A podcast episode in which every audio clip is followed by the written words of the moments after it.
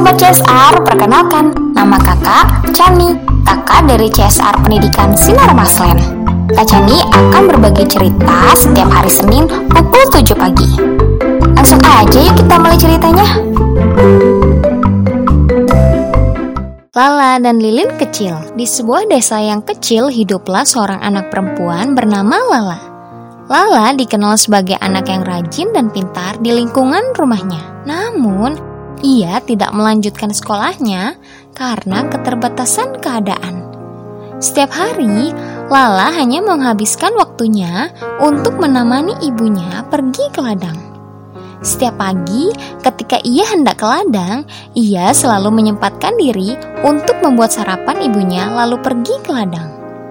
Kehidupan Lala tidak seperti teman-temannya yang serba ada ia justru memilih membantu ibunya pergi ke ladang menanam berbagai tanaman. Meskipun ia tak bersekolah, ia selalu menyempatkan diri untuk membaca buku. Ia selalu meminjam buku Pak Tua ketika ia selesai berladang. Ia juga sering mencatat hal-hal penting yang ada di dalam buku hanya untuk dibaca ulang. Suatu malam, ketika ia membaca buku, ia memasang sebuah lilin kecil untuk menemaninya membaca. Ia berkata kepada si lilin, Lilin kecil, sudah besar nanti aku jadi apa? Tanyanya sambil tersenyum.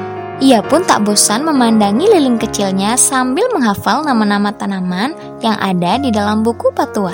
Lala pun menggoyang-goyangkan lilin kecil tersebut dan seketika lilin kecil itu ikut berputar dengan sendirinya.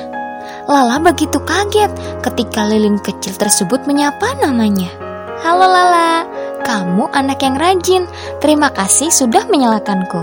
Aku akan memberikan cahaya untukmu. Ujar si lilin kecil.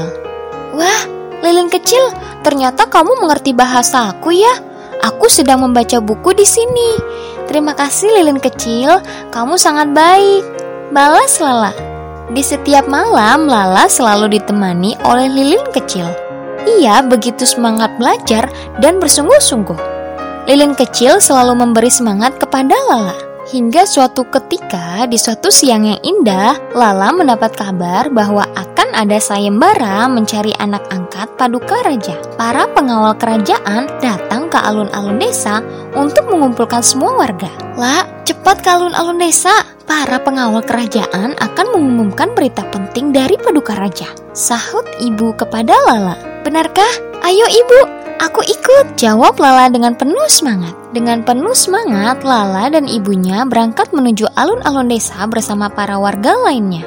Mereka begitu semangat ketika para pengawal kerajaan datang ke desa mereka karena para pengawal kerajaan selalu membawa kabar baik untuk mereka.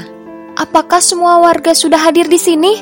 Sahut salah seorang pengawal kerajaan. Sudah, jawab warga serentak. Baiklah, saya akan mengumumkan kabar gembira untuk kalian yang memiliki anak. Paduka Raja akan membuat sayembara kepada anak-anak warga yang akan beliau jadikan sebagai anak angkatnya. Adapun sayembara yang harus diikuti adalah semua anak-anak harus berjalan sendiri di malam hari dengan menggunakan lilin sambil berkeliling desa hingga ke kerajaan.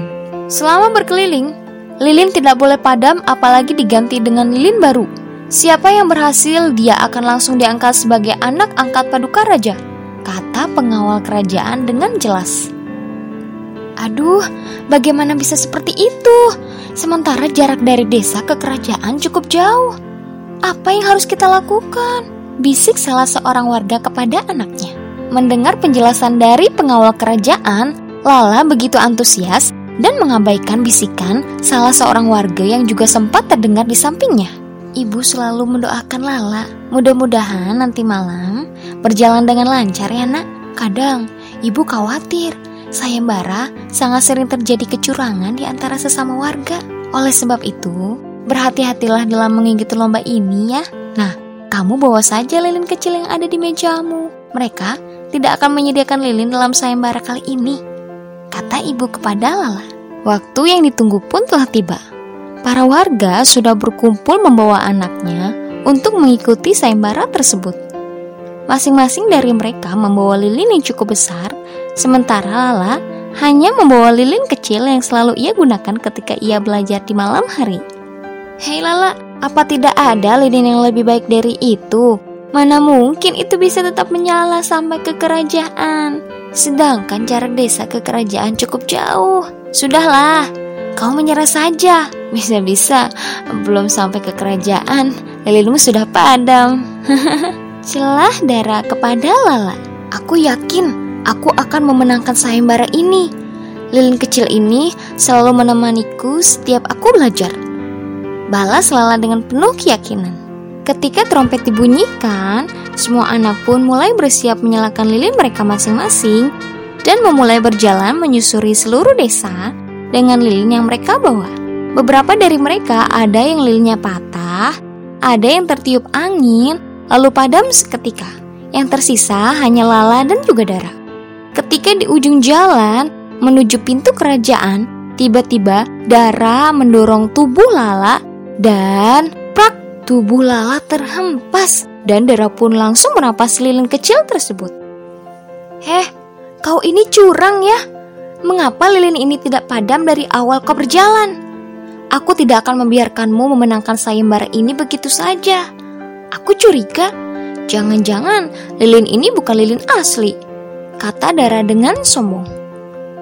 Lala hanya bisa terduduk lesu ketika Dara membawa lilin kecilnya menuju istana. Kakinya sakit karena Dara mendorongnya begitu keras. Ia tak bisa berbuat apa-apa dan menangis di ujung jalan desa.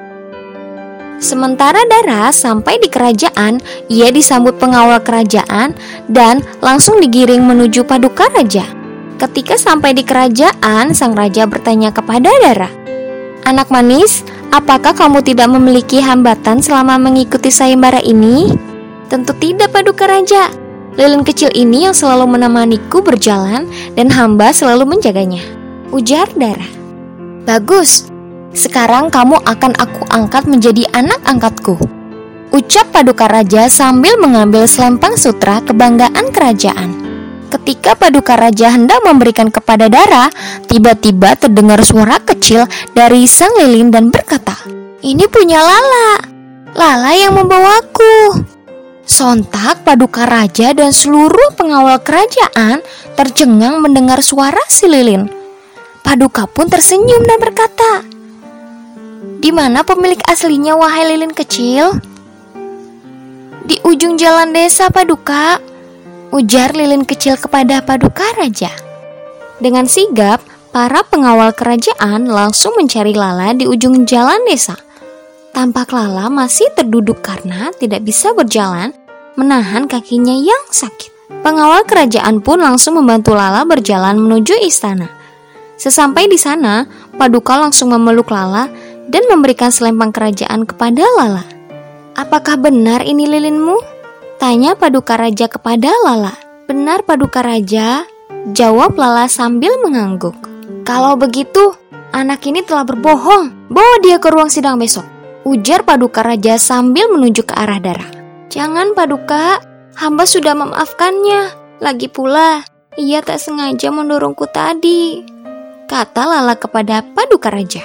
Hmm, Baiklah kalau begitu, aku akan memaafkannya. Namun ia tetap harus dihukum karena ketidakjujurannya kepadaku. Aku membuat sayembara ini agar aku tahu siapa yang memiliki sifat jujur dan pintar menjagaku nantinya. Karena menjaga lilin agar tetap utuh adalah hal yang sulit. Maka ketika ia kuangkat menjadi anak angkatku, ia tentu mampu menjagaku, sekalipun dalam keadaan sulit. Aku bangga padamu, Nak.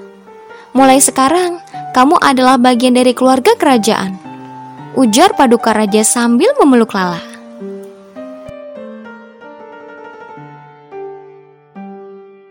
Nah, adik-adik, dari cerita Kacani tersebut, satu, pesan moral apa yang bisa kita dapatkan?